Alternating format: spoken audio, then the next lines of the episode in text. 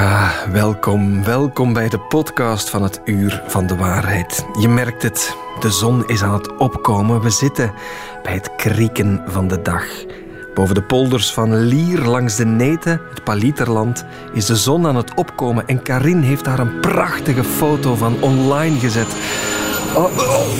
Wat gebeurt er nu? Een vliegtuig! Nog een vliegtuig! Ja, dan heb je van die strijpen in de lucht. Nog één! Karin plaatst foto's. Zeven uur, klare hemel. En dan nog een streep van een vliegtuig. En nog één, en nog één, en nog één. En ze vraagt zich af op Facebook... Beste burgemeester Rick Verwaast, kan jij dit tussen aanhalingstekens interessante fenomeen in onze Lierse lucht uitleggen? Dat zijn uiteraard chemtrails, bedoeld om het volk te vergiftigen en te onderdrukken. Maar eh, nu u het complot doorhebt, weet u helaas te veel. De Illuminati brengen u straks een bezoekje. Dat was het laconieke antwoord van burgemeester Verwaast op Facebook. Nu alle gekheid op een stokje, chemtrails, Illuminati, dat klinkt als van de pot gerukte complottheorieën, maar er zijn andere zaken, minder zichtbaar, maar veel gevaarlijker waar we het over moeten hebben.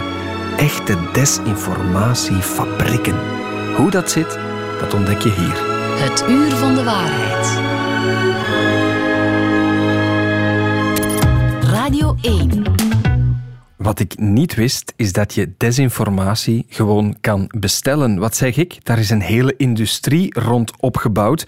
Je kan een hele campagne bestellen, kopen bij fake news fabriekjes om verkiezingen te beïnvloeden of om andere dingen vanuit economisch standpunt klaar te krijgen als je nu bedrijf op de beurs bent, bijvoorbeeld. Dat is naar buiten gebracht door een consortium van een hele race internationale journalisten, de Forbidden Stories. En een van die journalisten bij ons, dat is Christophe Kleriks van KNAK. Christophe, goedemorgen. Goedemorgen. Dit project heet Story Killers. Jullie hebben dat allemaal naar boven gebracht. Fake news fabrieken.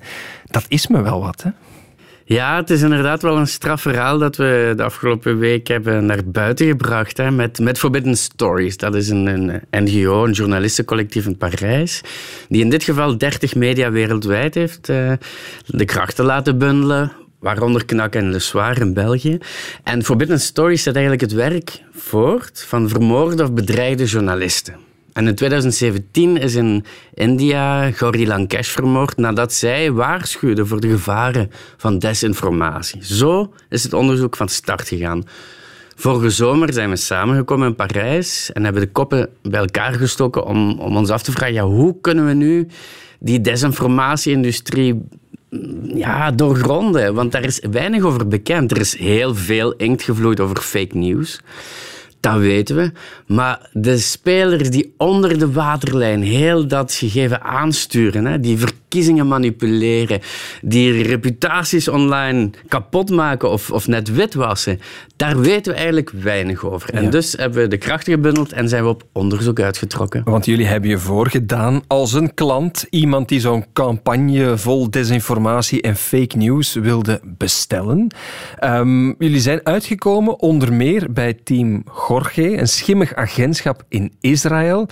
Wat beweren ze? Wat hebben ze allemaal al bewerkstelligd, bijvoorbeeld? Ja, kijk, natuurlijk, die spelers uit de desinformatie-industrie, die lopen niet zomaar te koop hè, met hun schimmige en geheimzinnige technieken. Dus we, we beseften met die journalisten, ja, we, we kunnen niet gewoon aankloppen en vragen stellen. Dus hebben dan een, eh, een manier bedacht om hen toch aan de praat te krijgen. Met name drie van mijn collega's. Hè, van, van de kranten eh Haaretz en van The Marker in Israël en van Radio France. Die hebben zich uitgegeven als een potentiële klant van zo'n schimmig agentschap. Ze zeiden, kijk, wij vertegenwoordigen een Afrikaans politicus die de eh, verkiezingen graag wil uitstellen. En dan via, via zijn we in contact gekomen met het mysterieuze team Gorge. En team Gorge eh, had gedurende een zestal uren verkoopspraatjes met mijn drie collega's, heeft eigenlijk een beetje zijn trucendoos blootgegeven in, eh, ja, in die ontmoetingen. Team Gorge vertelde, kijk, wij kunnen van alles doen. Wij kunnen een Telegram-account eh, van de minister kunnen we binnendringen. We kunnen overal ter wereld desinformatiecampagnes opzetten. We hebben dat trouwens al gedaan, al dus het mysterieuze team Gorge, in, in, in 33 landen.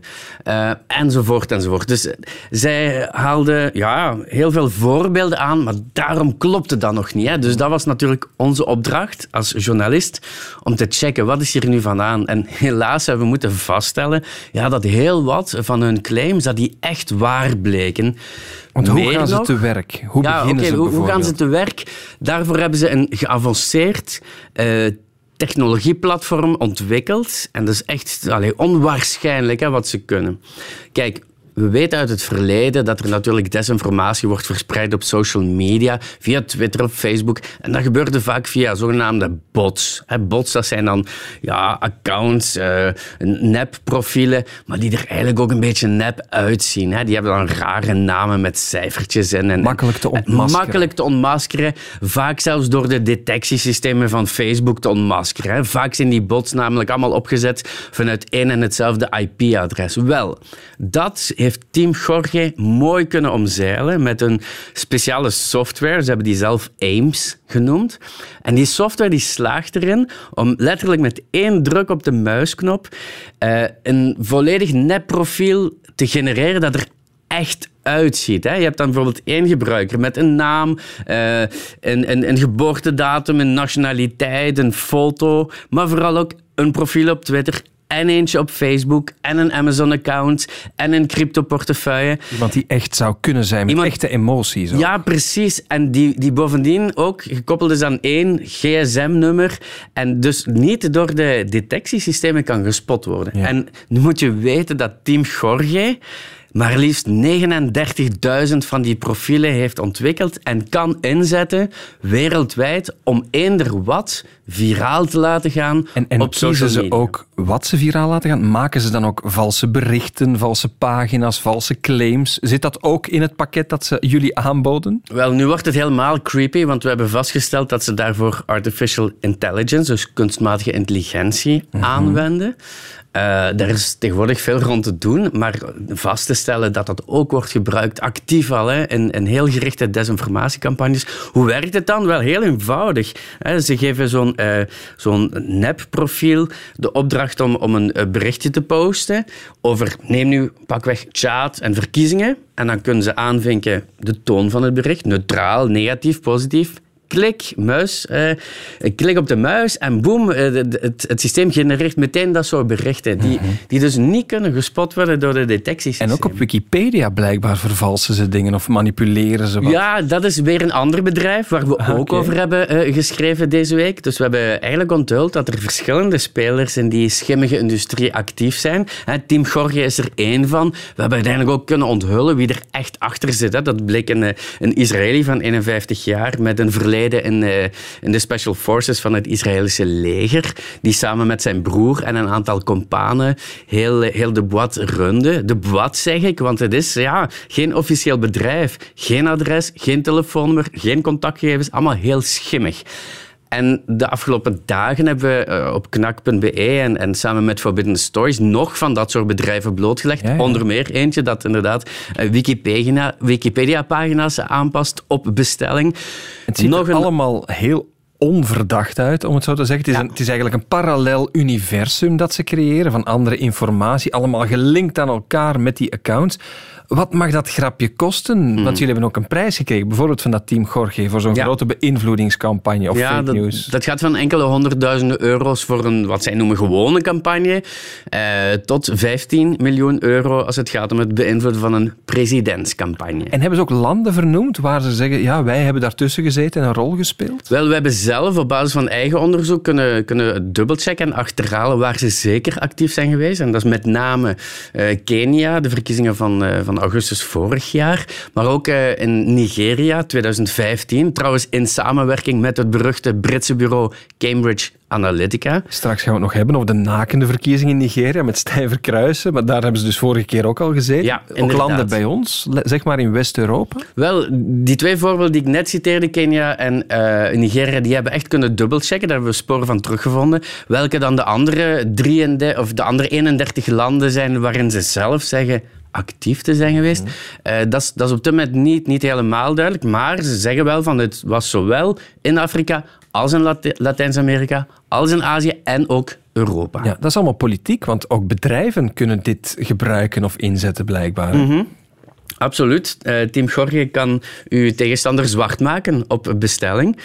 En interessant is dat er ook bedrijven zijn die het tegenovergestelde doen, namelijk jouw reputatie terug witwassen online.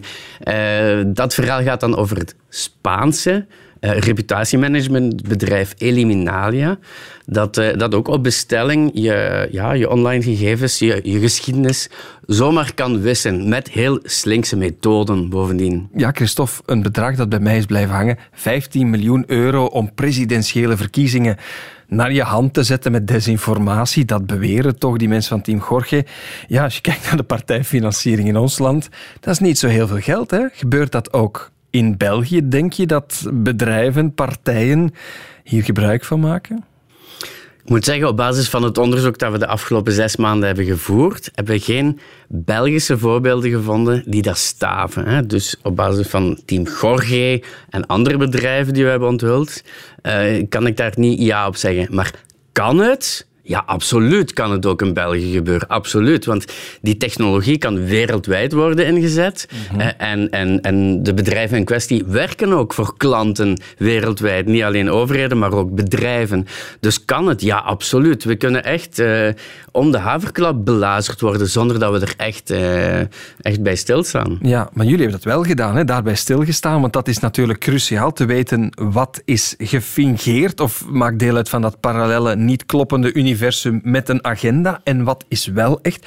Hoe hebben jullie die radertjes ja, ontrafeld? Ja, alles begon dus hè, met een eh, undercover-operatie van drie collega's van mij. Zo zijn we met die bedrijven aan de praat geraakt. En in presentaties hebben ze een aantal van hun eh, ja, eigen instrumenten wat blootgegeven. Maar daarvoor, daar begon het onderzoek pas. We moesten natuurlijk al die claims gaan, gaan dubbelchecken. En dan zijn we gewoon ja, met, met, met honderd journalisten overal ter wereld mensen gaan contacteren die eh, mogelijk betrokken waren als slachtoffer eh, van die campagnes of ook als klant. Kan je daar een voorbeeld van geven? Van iets wat, je, wat bijvoorbeeld een element is in zo'n onderzoek? Ja, oké, ik zal een voorbeeld geven. Op een gegeven moment toont het mysterieuze team Gorge tijdens een presentatie hey, wij kunnen in de Telegram-account eh, van een mm, politicus in Kenia, daar kunnen we zomaar in binnendringen. En, en, en zij tonen ook op een scherm dat ze dat doen en dat ze een, vanuit die Telegram-account een bericht sturen naar een Keniaanse zakenman. Vervolgens hebben we dat gaan dubbelchecken. Dus hebben we achterhaald wie die Keniaanse zakenman eh, was. Mijn collega eh, uit Duitsland is met die man gaan praten ter plekke en heeft gevraagd, toon uw gsm's. Kan je checken die dag welk bericht er toen is toegekomen? En inderdaad, daar stond dat berichtje op. Dus op die manier wisten we 100% zeker dat Team Gorge niet maar wat praatjes stond te voorkomen, maar dat dat het echt- echt, dat het echt werkte. Kan ook wel gevoelig zijn. Ik denk aan WhatsApp. Discussies ook naar buiten gebracht rond de begroting in België bijvoorbeeld, eh, van politici. Daar kunnen ze dan eigenlijk een vorm van beïnvloeding ook mee doen. Ja, maar ik denk eh, dat het ondertussen wel duidelijk is dat als het gaat over echt gevoelige informatie, dat je best gewoon heel ver weg blijft van je gsm en van je computer. Ja. Trouwens, dat hebben we met, met datzelfde journalistenconsortium twee jaar geleden al blootgelegd toen we hebben bericht over Pegasus, hè, die, die straffe spyware, ook ontwikkeld door een Israëlisch bedrijf, die zomaar van op afstand je telefoon kan overnemen.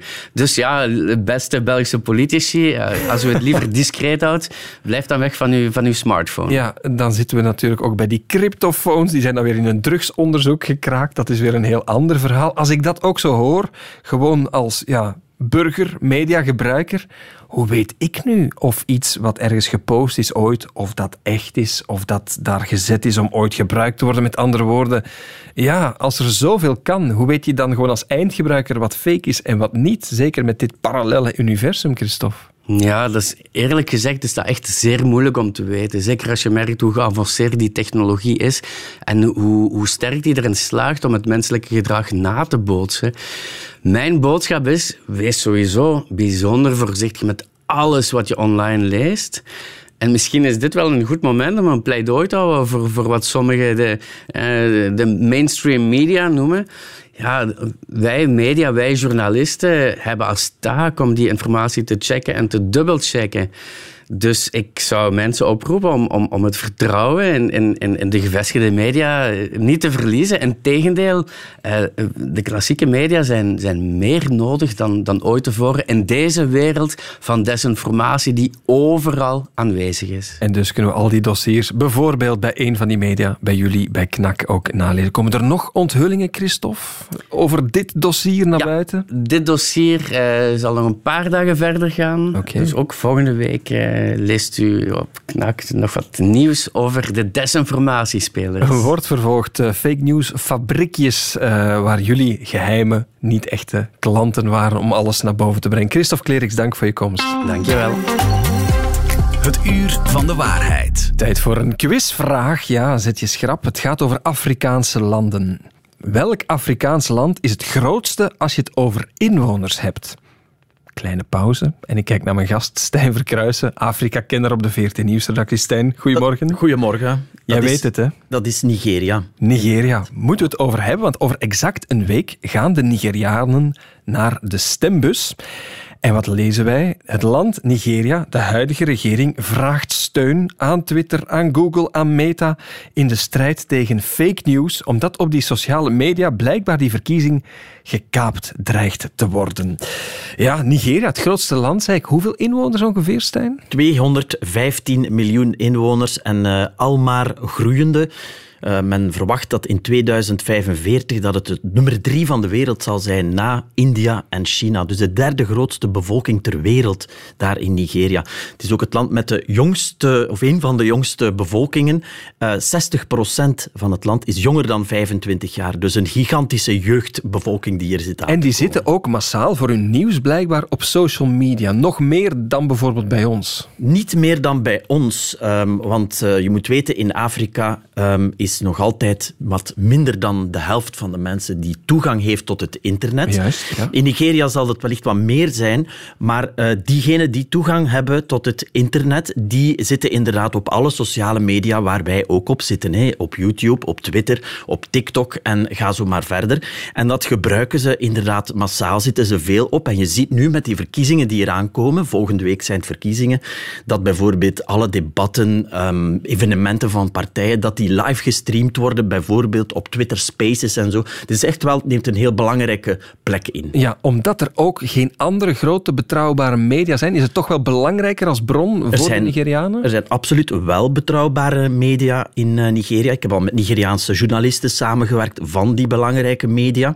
Maar er zijn niet zoveel mensen die een abonnement hebben op die klassieke uh, kwaliteitsmedia. En Ja, dus ja. zijn er heel veel mensen, jongeren, die om uh, ja, toegang tot het nieuws te hebben, die daarvoor de sociale media gebruiken. En dat is dan het enige kanaal hoe zij ja, in contact komen met het nieuws. En dan is er die oproep hè, van Nigeria, de huidige regering, die zegt alsjeblieft help ons Google en Meta, want op welke manier wordt dat dan nu gebruikt of gekaapt in de verkiezingen, Stijn?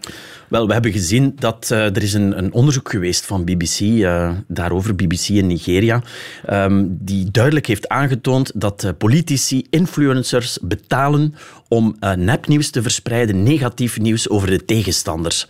En dat is al verschillende keren gebeurd en het, het, het werkt, want het is zelfs zo erg dat sommige klassieke media, kwaliteitsmedia, sommige van die nieuwsberichten hebben overgenomen die dan zijn moeten ontkracht worden door de kiescommissie. Zoals bijvoorbeeld? Wel, bijvoorbeeld, men had gezegd dat een van de belangrijkste kandidaten, presidentskandidaten, dat die um, deel uitmaakt van een strafonderzoek.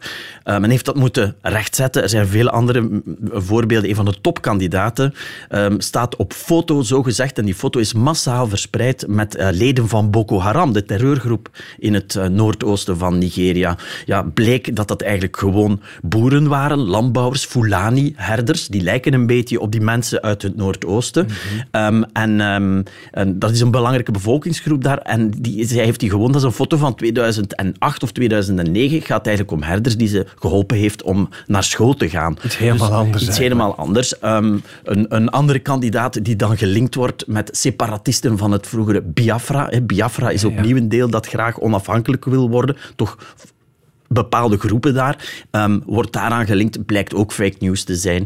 Dus um, ja, dat, dat is wat nu voortdurend gebruikt, de andere negatief uh, ja, ja, in het licht. Want je vernoemt daar Boko Haram. Nigeria heeft een, een grote moslimpopulatie, ook een groot gedeelte is dan weer christelijk. fake news en groepen tegen elkaar opzetten. Dat, Ja. dat lijkt me gevaarlijk of, Die religie, explosief. etnie, ehm, identiteit is iets wat in deze verkiezingen en vorige verkiezingen ook altijd een grote rol speelt. Eh, je ziet bijvoorbeeld dat een van de kandidaten is, een, in, is, is ehm, bedrijft de polygamie, eh, zou ik eh, kunnen zeggen, heeft vier vrouwen en 28 kinderen. Wel, er is zo'n foto die massaal verspreid wordt in Nigeria, een soort collage met zijn vier vrouwen en zijn 28 kinderen en dan de suggestie daarbij, die gaan allemaal ehm, betaald worden door de staatskas. En dat wordt dan verspreid in het christelijke gedeelte waar ze tegen polygamie zijn, eh, om die man in een slecht daglicht te stellen. Dus dat is die identiteit, die religie, dat wordt ook voortdurend gebruikt. Ja, en, en is dat gevaarlijk voor geweld ook, denk je, in Nigeria op dit moment? Dat is de hoofdreden waarom ze eh, aan die eh, Google en aan Meta van Twitter, Facebook en zo vragen om ehm, te controleren, om te modereren. Dat is omdat er een angst bestaat dat er na de verkiezingen wel eens geweld zou kunnen ehm, uitbreken. We zitten ook met een, ehm, een heel speciale verkiezingen in Nigeria. Normaal heb je altijd twee belangrijke kandidaten. één uit het noorden, één uit het zuiden. Nu is er een derde man en dat is iemand die bij de jeugd, die zo belangrijk geworden is, eh, heel populair is en die dus wel eens zou kunnen die twee het vuur aan de schenen leggen. En dus zien we daar ja, een, een, een generatieconflict ook uitbreiden. De jongeren zijn heel kwaad, zijn heel gefrustreerd over wat er eh, fout gaat allemaal in Nigeria. En daar, ja, daar fake news verspreiden zou wel eens kunnen ontvlambaar zijn na de verkiezingen. En vandaar die oproep, en jij hebt dat toch heel mooi uitgelegd, waarom dat van belang is voor die heel grote jonge bevolking in Nigeria. Over exact een week, 25 februari, is het zover, maar de campagne is bezig. En dus ook berichten op sociale media. Stijn Verkruijsen, dankjewel voor je uitleg. Graag gedaan. Het uur van de waarheid. De checkers.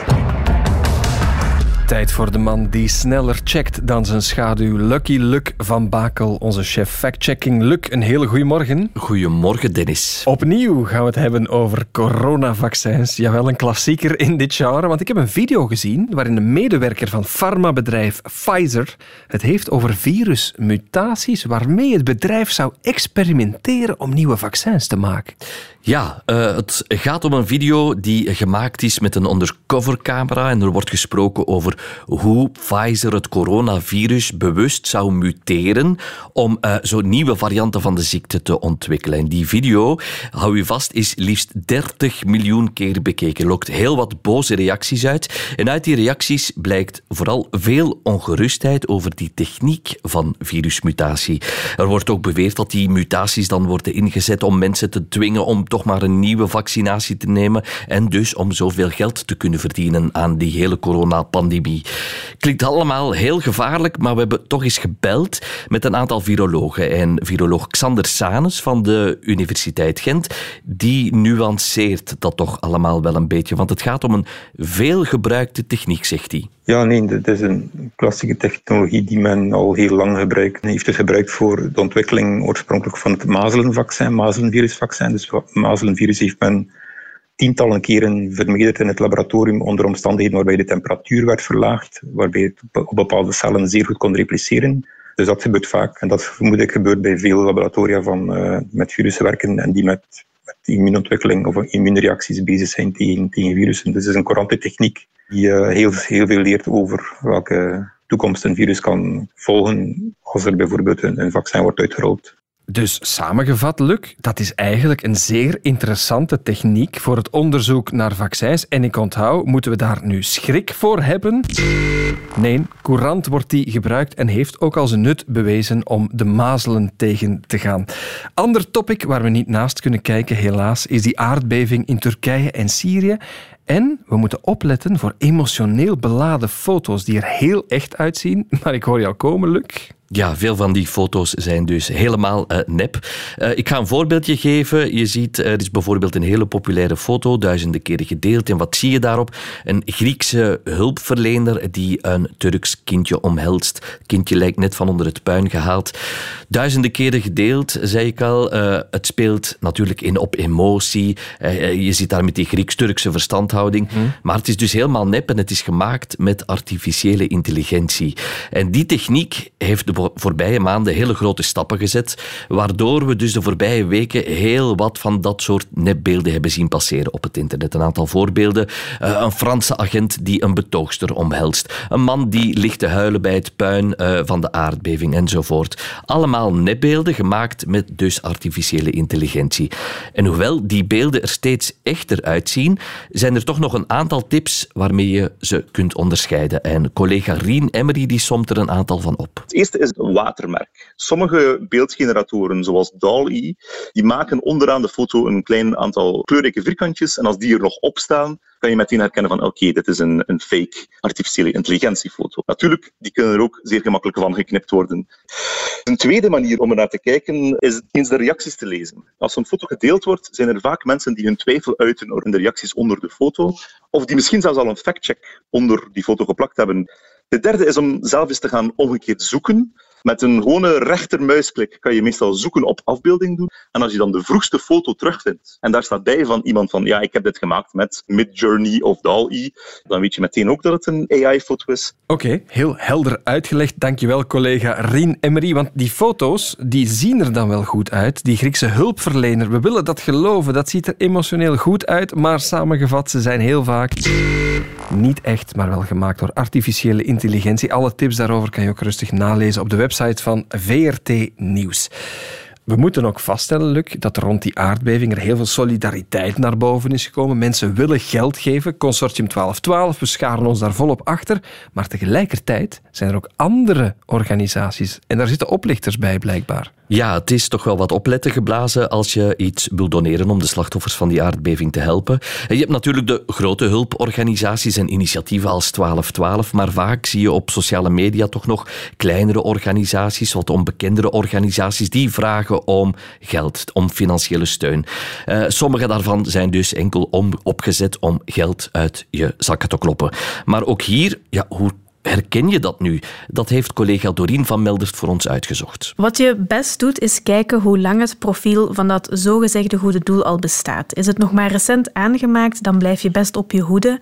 Een ander element waar je op kan letten is hoeveel volgers het profiel al heeft. Vaak zijn dat er niet veel bij die pas aangemaakte valse accounts.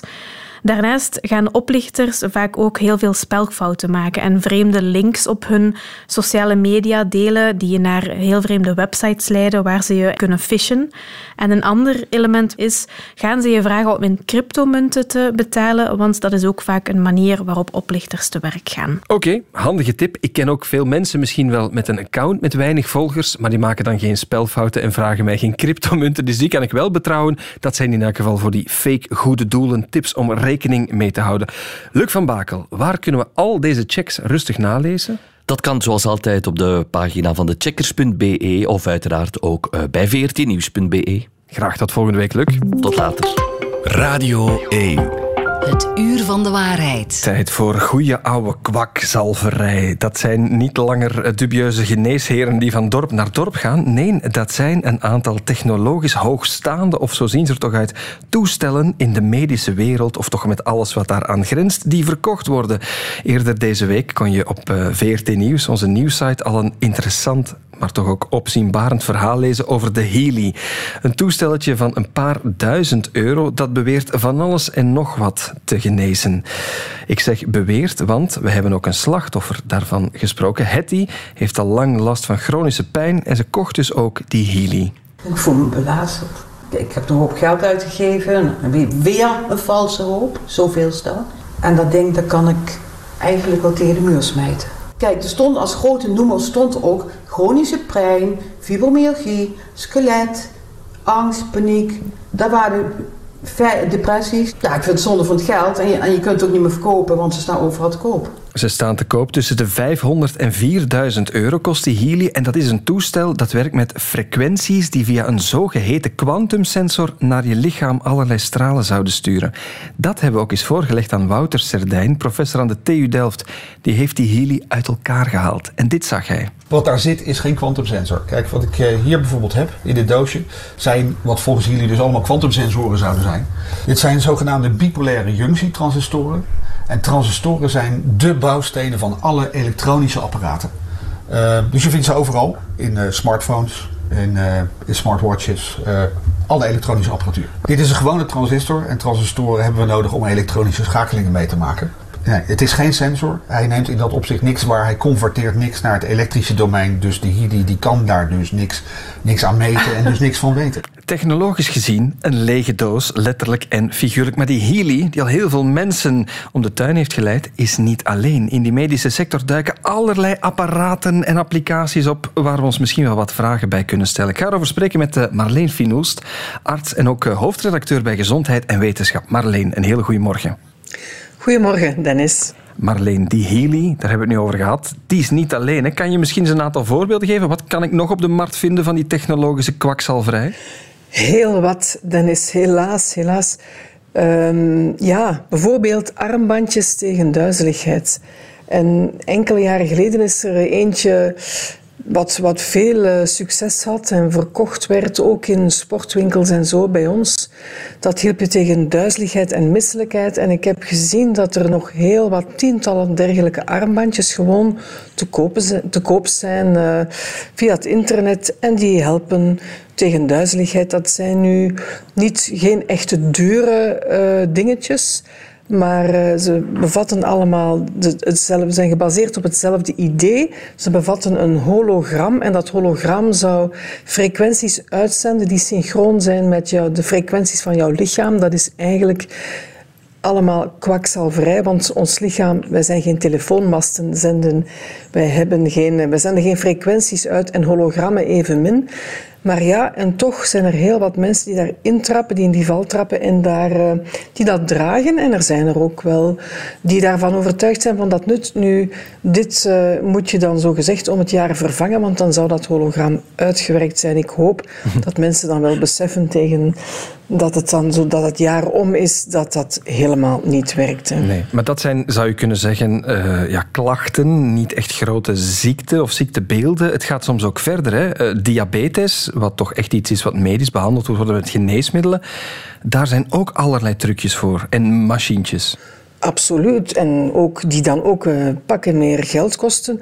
Ik denk bijvoorbeeld aan uh, kangenwater. Kangenwater, uh, ken je dat? Nee, vertel. Al van gehoord? Kangen is, komt uit Japan overgewaaid. Jap Japans voor terug naar de bron. En dat is een systeem dat men monteert op jouw waterleiding in huis. En het water wordt dan zogezegd geïoniseerd en het komt er anders uit. Uit de kraan komt er dan gezonder water. En het is ooit ook gepromoot voor mensen met uh, diabetes. En uh, we hebben ooit uh, zoiets gefactcheckt bij een dame geweest die zo'n toestel had gekocht. Ze had diabetes. En ze had, men had haar gezegd van kijk, je, gaat, je zal die insuline binnen afzienbare tijd niet meer nodig hebben. Je zal genezen van jouw diabetes. Ai. Nu, dat, dat zijn verhalen die vind je dan niet terug op de website natuurlijk van Kangenwater. Kangenwater heeft ook in België een website. Er zijn mensen die zo'n systeem laten installeren omdat hun lichaam, om hun lichaam gezonder te maken. En het werkt niet alleen bij diabetes, maar dat staat nu niet meer op de website, maar het werkt bijvoorbeeld als anti-aging. Het werkt uh, tegen vermoeidheid, vaak tegen een hele race chronische klachten, waar, ja, waar veel mensen mee worstelen, vage klachten, wat we ook, wat we ook gehoord hebben met de getuigenis met Healy ja, waar de geneeskunde niet echt een goed antwoord op heeft. En mensen proberen dat dan uit. En dat zijn uh, systemen die kosten enkele duizenden euro's. Mm -hmm. Ja, dat is een hele industrie inderdaad, Marleen. Je hebt ook nog Mark Koeken die een antistralingsplakker heeft uitgebracht. Je hebt massagematrassen tegen artrose en ga zo maar door. Een hele industrie, maar het is ook een bijzondere industrie, want er komt een soort van medische claim bij. Los van het placebo-effect dat soms kan gebeuren. Mag je dat? Mag je zomaar een apparaat op de markt brengen? Moeten wij daar niet tegen beschermd worden als consument? Nee, eigenlijk mag het niet. Je mag bijvoorbeeld geen apparaat, je mag een apparaat op de markt brengen als dat apparaat jouw gezondheid niet kan schaden. Even die, ondulatiematrassen bijvoorbeeld, dat is eigenlijk, eigenlijk zijn dat gewone massagematrassen en heel wat kinesitherapeuten hebben die ook in hun praktijk staan. En als je dat gewoon gebruikt als massagematras, oké, daar is niks mis mee. Maar het werd ook verkocht aan particulieren en dat kostte om en bij de 3000 euro. En er werd dan ja, gesuggereerd dat het hielp ook weer bij lage rugpijn, fibromyalgie, chronische vermoeidheid, gewrichtsklachten enzovoort. Maar men laat dat dan getuigen zeggen. En, en zou je toch tips kunnen geven? Het is één grote cocktail waar sommige dingen wel, sommige dingen niet waar zijn. Wel zo getest, zo niet. Waar kan je nu op letten als je zo'n gezondheidstoestel in huis haalt? Als consument, als iemand die klachten heeft? Wel, klachten. Uh, misschien moet je eens bij, bij, je huisarts te raden gaan. Want veel van die vage klachten waar dat de geneeskunde geen antwoord op heeft, ja, dat gaat ook een matrassenfabrikant of iemand die armbandjes, plastic armbandjes fabriceert. Dat is dan niet plots het wondermiddel. Je gezond verstand gebruiken. Weten van, nou, dat is. Uh, ja, dat kan niet. En ook misschien gaan kijken of ja, is, je mag ook, mensen mogen ook altijd gezondheid en wetenschap een vraag uh, sturen. We hebben een contact uh, e-mailadres en gewoon vragen van klopt dit hier? Mag ook altijd.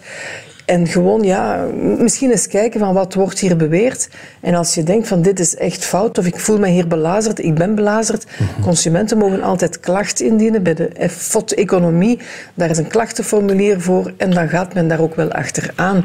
Maar weinig mensen doen dat, merken we, omdat men bijvoorbeeld niet weet dat men dat kan, kan klachten indienen. We moeten ook weten dat de mensen die daar intrappen, die, die die systemen kopen enzovoort, dat zijn heel vaak kwetsbare groepen en dat is echt wel, daar gaat mijn bloeddruk van omhoog.